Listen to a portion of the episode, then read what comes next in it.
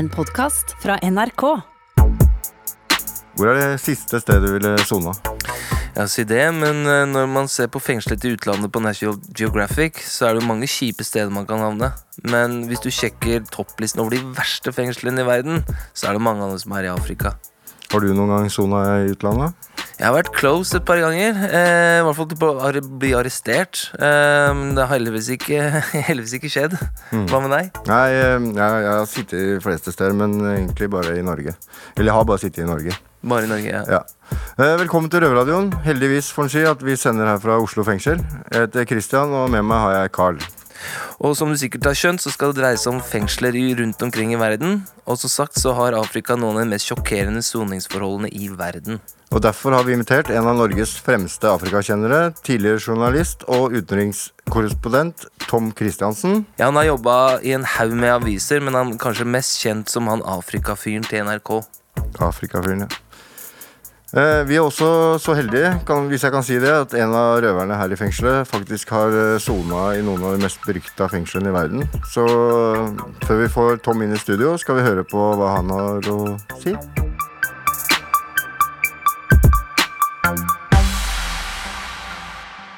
Hva gjør man hvis man blir fengslet i utlandet? I dag så har vi med oss en som har vært litt, litt uheldig og, og har sittet litt i utlandet. Hei, Ole. Hei sann. Alt bra? Ja da, alt bra.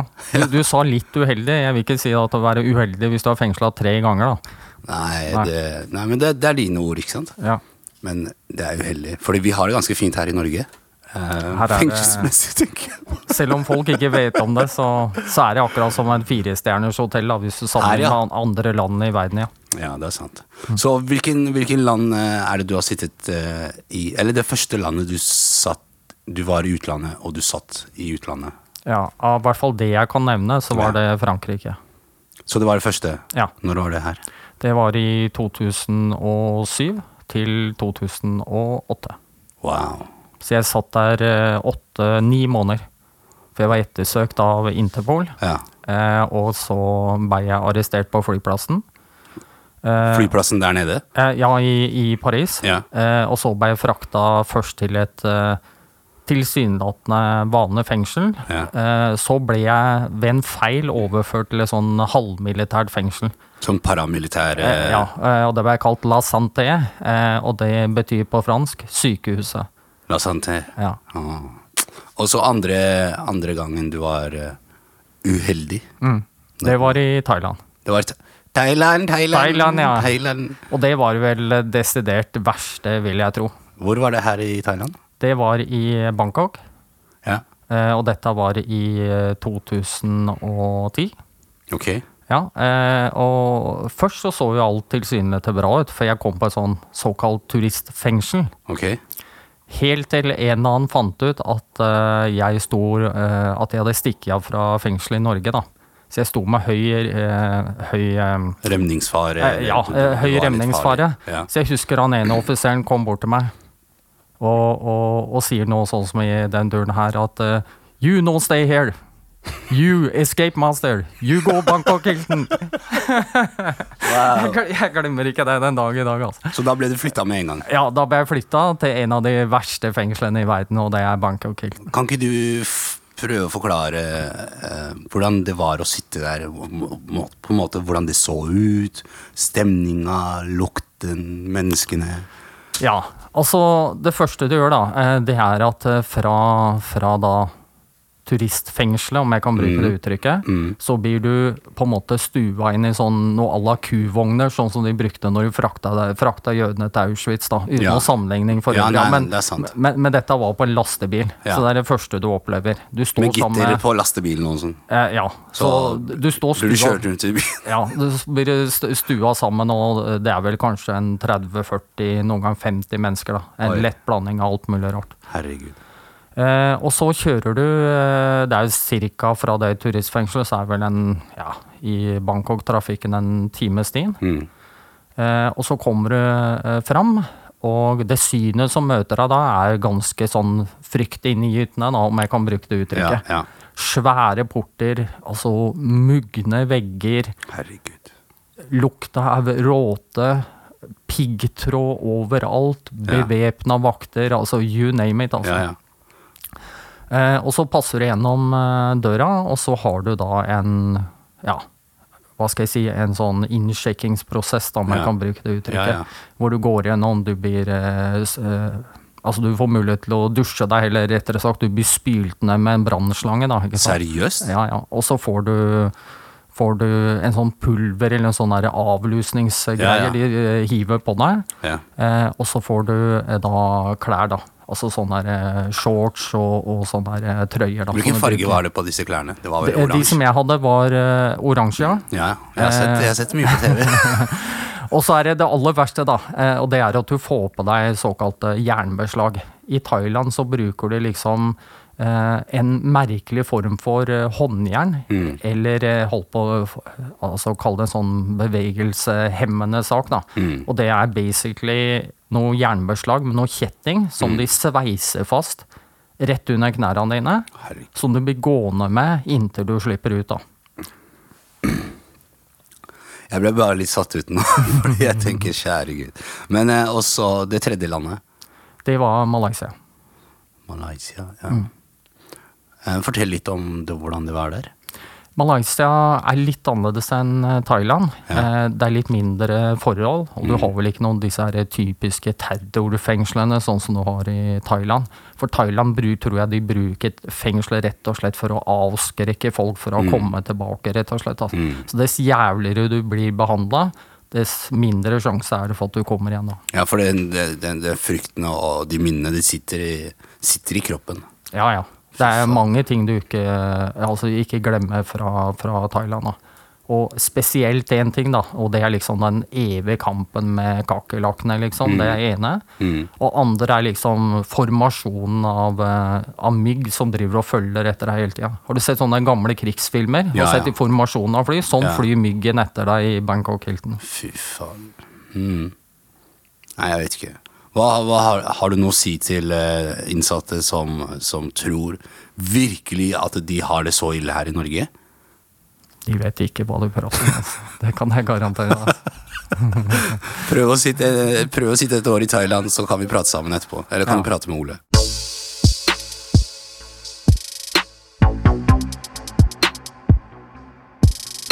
Når jeg hører alt det han forteller, så er jeg for meg glad jeg ikke har vært i trøbbel i utlandet. Altså.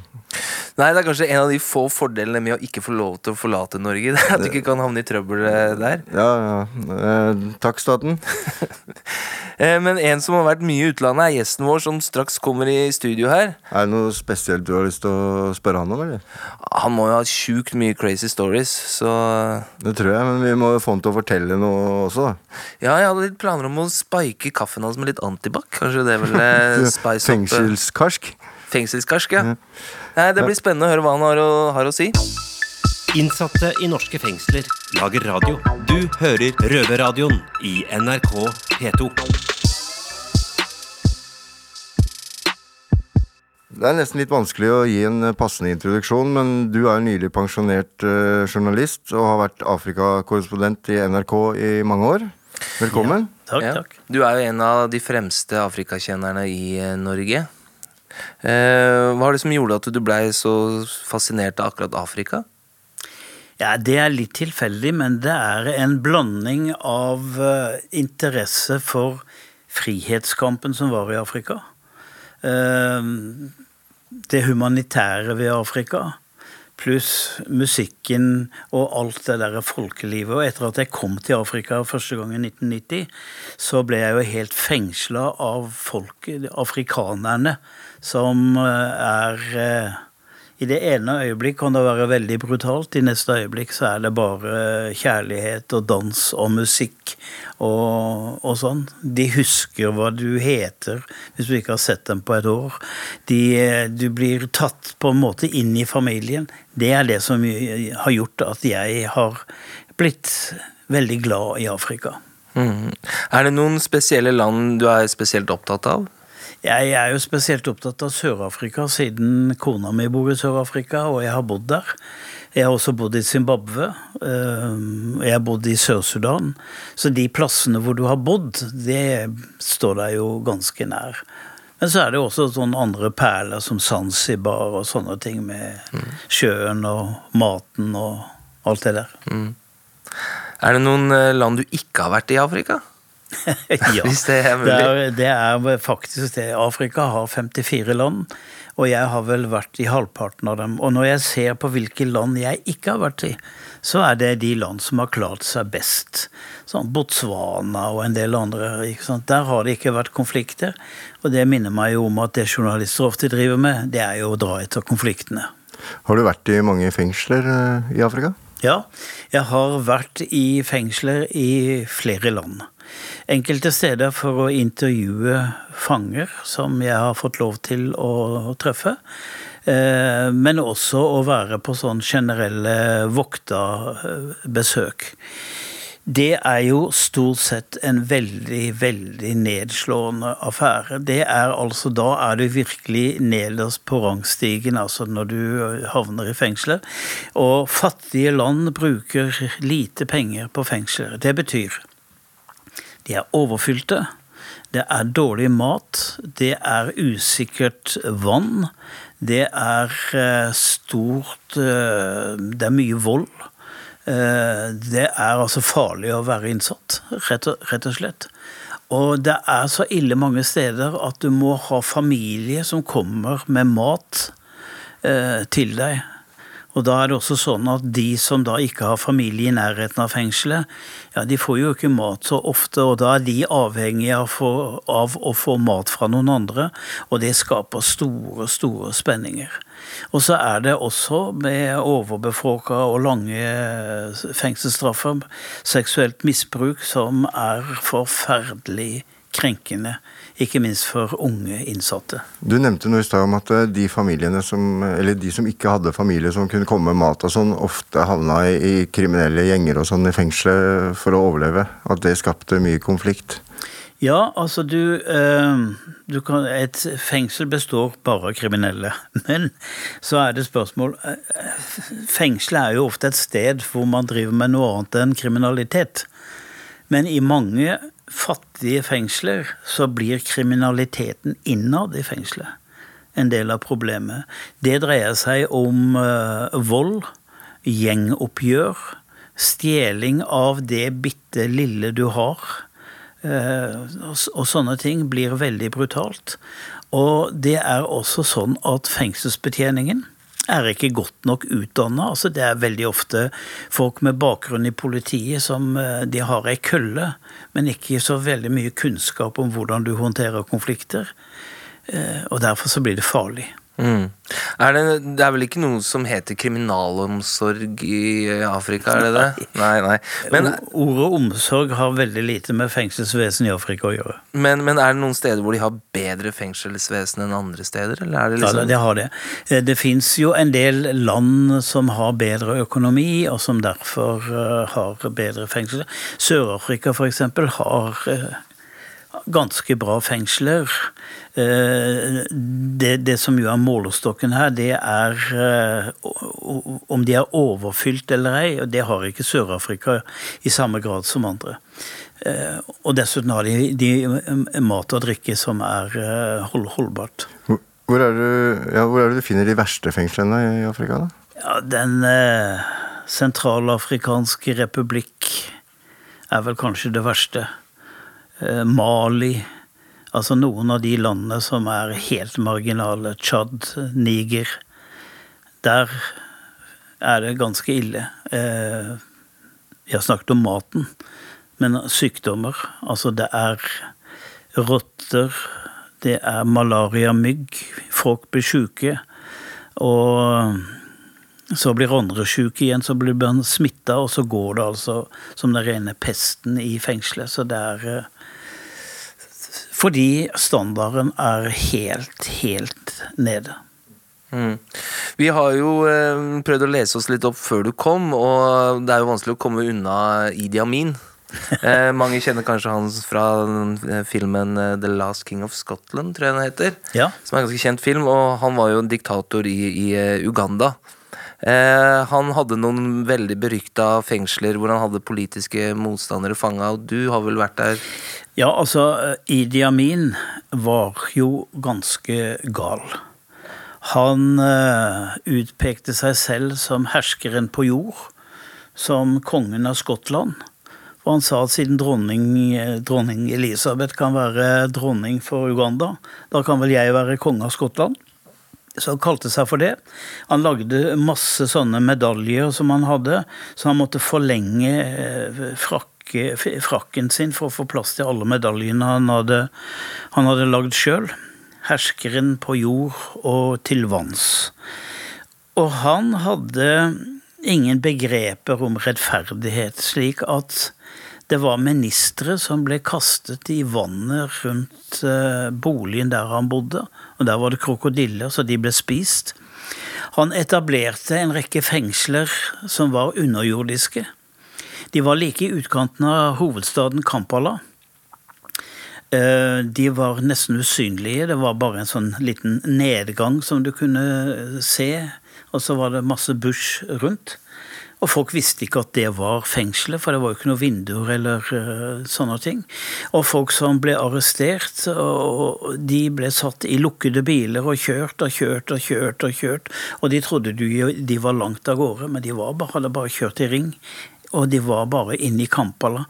Så alle fikk vite at disse fengslene de er langt utenfor byen, men de var altså helt inne i byen. Og der eh, var standarden veldig lav. Der var torturen gjennomgående. Mange steder er det jo tortur i en avhørsfase.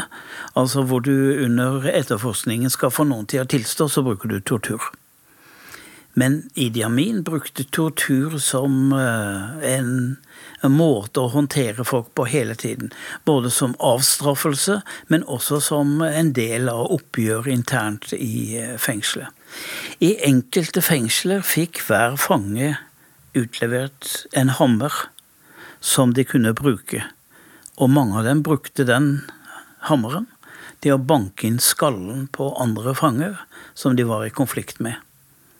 Og det fikk ingen konsekvenser annet enn en massegrav. Uh, ja, nei, det høres jo helt uh, brutalt ut, det der. Uh, så har Men, vi jo men det pussige er jo at dette er, dette er jo ikke middelalderhistorie. Dette er 70-tall. Altså det er, det er i går. Det er liksom i vår tid at dette har pågått. Og Uganda er jo kjent som et av de siviliserte landene i eh, Afrika, med universiteter og uh, business og alt mulig, og kunst og kultur. Men der hadde man altså under Idi Amin Da forsvant alt som var av dannelse og, og kultur, og endte i det rene barbari. Men han var jo helt Han var jo klin gæren. Klin gæren, og så ble han avsatt, og så endte han i Saudi-Arabia, hvor han gikk rundt seg selv i mange år, og så døde han for ikke så lenge siden. Ble, jeg leste jo litt om dette her. De fengslene du snakker om under bakken og sånn, eh, det var jo vann på gulvene der eh, som var strømførende. Eh, Ja, det stemmer. Ja. Det, det, det stemmer. Altså, de Man må jo ha en måte å holde kontroll på folk. Og en veldig effektiv er altså at du har vann på gulvet, og så setter du strøm på det vannet. Og det er jo, Bortsett fra at det er livsfarlig og ubehagelig, så er det jo eh, eh, nokså spesiell måte å disiplinere folk på.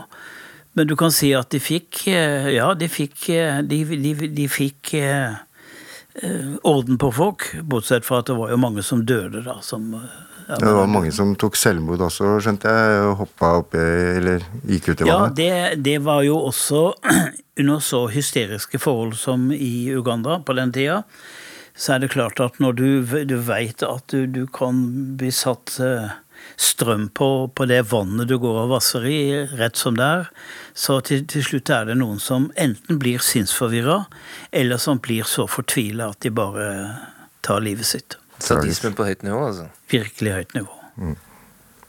Det mest eh, kjente fengselet er vel kanskje Robben Island, hvor Nelson Mandela satt i 27 år. Og du har vært der. Jeg har vært der. Det er jo nedlagt nå. Nå er det et museum hvor du kan gå i gangene. Og øh, det er helt betagende å komme inn der, inn i den politiske avdeling, avdeling B. Du kommer, kommer inn der, og så er det en korridor med små fengselsceller.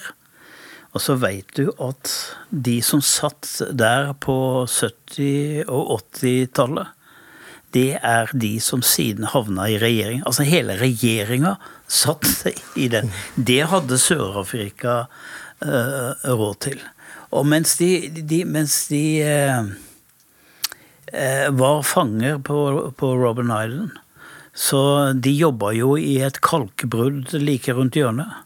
Så de dro dit hver dag, og der drev disse fangene, de politiske fangene, og noen av dem, noen av dem var jo professorer i historie, andre hadde andre disipliner, og foreleste for de andre. Der snakket de om kampen mot apartheid. Eh, hva skulle det nye Sør-Afrika bli? Skulle det bli 'nå skal vi svarte overta'? Nei, dette skal være et land for alle, svarte og hvite. Så var det diskusjoner om det. Og fangevokterne var så interessert i dette at de satt og hørte på og lærte veldig mye, og bare sa ifra hver gang inspektørene kom for å, å, å se til dem.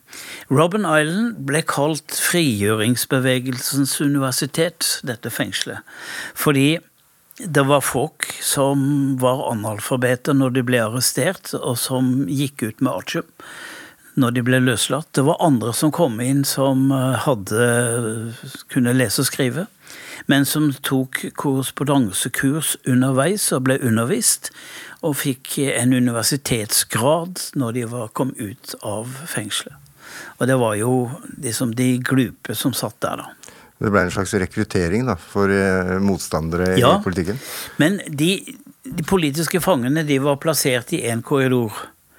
Tidligere så var de eh, politiske fangene sammen med alle de andre vanlige kriminelle på Robben Island.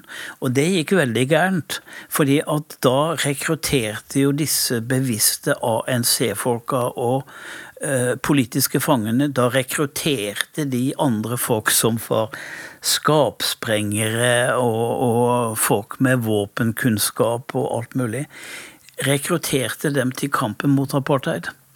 Slik at hele, hele Robben Island kokte jo av politikk, og når de ble løslatt, så meldte det seg til ANCs væpnede styrker og gikk inn i kampen mot apartheid på, eh, som, en, som en del av den væpnede kampen. Så derfor så måtte de lage en egen avdeling for de politiske fangene. Spesielt. Ja, det er spesielt. Um, jeg må nesten spørre deg, du har jo vært veldig lenge der. Har du noen gang vært i fare for å havne i fengsel i Afrika? Det vet jeg ikke, men jeg har vært arrestert mange ganger. Og når du blir arrestert, så kan det skyldes at du har gjort noe gærent som jeg ikke har gjort. Eller at jeg har vært på feil sted, som jeg har vært. Altså i nærheten av en offentlig bygning, et sted hvor jeg har sett nød og elendighet som myndighetene ikke vil at jeg skal se. Og så er jeg blitt tatt inn til avhør. Og jeg har vel vært ganske sikker på at jeg blir ikke arrestert. Men altså, de vil undersøke, og de vil få meg bort og sånne ting. Og noen ganger skjønner du jo ganske fort at det er et spørsmål om det er noen som vil eh, ha litt penger fra, fra, fra meg. Men, men har du vært i en situasjon jeg må spørre da, hvor du har måttet kontakte NRK for å få økonomisk hjelp eh, for å komme deg ut av en eh, situasjon du er i med politi? Nei, men jeg har, jeg har hatt eh, penger Ja. og betalt meg ut av det. Og jeg har da sendt reiseoppgjør hvor det på kvitteringen står uformelle gebyrer 100 dollar. Men har du vært i noen sånne situasjoner på jobb eh, der nede hvor du har vært virkelig, virkelig redd for livet ditt? Ja, det har, det har, jeg, det har, det har jeg vært. Det har ved ved to typer anledninger. Den ene ved bombeangrep, hvor du liksom ser flyet opp på himmelen. Og så er du på en åpen slettelandskap, og så hører du den der plystrelyden. Og du veit at nå kommer en bombe. Eh, Og du vet ikke hvor den lander. Så det er bare å hive seg ned, og de- bombene i Sør-Sudan som De landa 50 meter fra der jeg var, 100 meter fra der jeg var. Du blir aldri truffet av en bombe, men alle splintene er det som du blir drept av. Og de føyk over hodet vårt og inn i bilen vår, så det var ikke så enkelt. Den andre typen er eh, når det er en demonstrasjon som går av skaftet. Og da vet du jo til slutt ingen hvem de angriper, altså, og hvor det er, dreier seg om geriljagrupper, hvor det dreier seg om eh, folk i, med militært utstyr og uniformer, men ikke tilhører en hær, men rett og slett en sånn bande. Og hvor er grensen mellom en milits og en bande? Eh, Flytende overganger. Noen ganger plyndrer de, andre ganger dreper de av politiske grunner. Så eh, da er det farlig. For, for, fordi det er ingen som tar ansvar for noe. Men etter å ha jobbet så mange år da, i et så si, hardt miljø eh, med masse farlige mennesker, har du blitt prega av det, føler du nå, eh, etter så mange år der nede? Har du gjort Nei, det med deg? jeg er ikke blitt prega av det på annen måte enn at jeg gjenkjenner situasjoner som kan bli farlige, og så trekker jeg meg unna. Mm. Og jeg er ikke en sånn en som går etter de adrenalinkicket av de farligste tingene. Det gjør jeg ikke. altså. En død reporter er en meget dårlig reporter. Ja.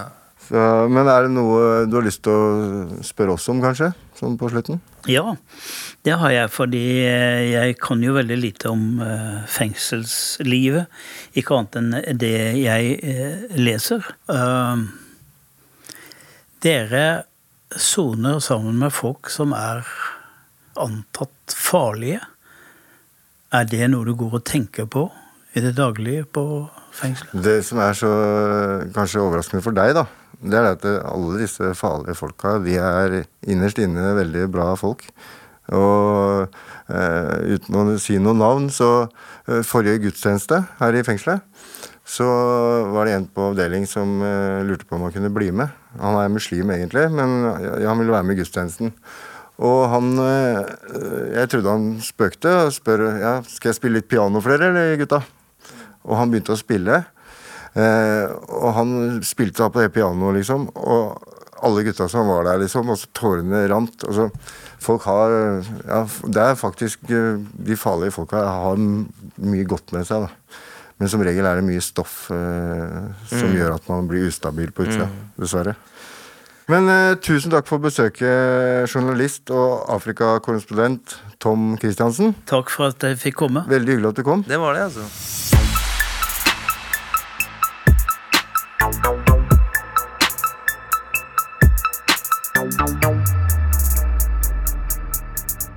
Ja, det var det vi hadde denne gangen. Uh, har du gjort noen refleksjoner du, Carl?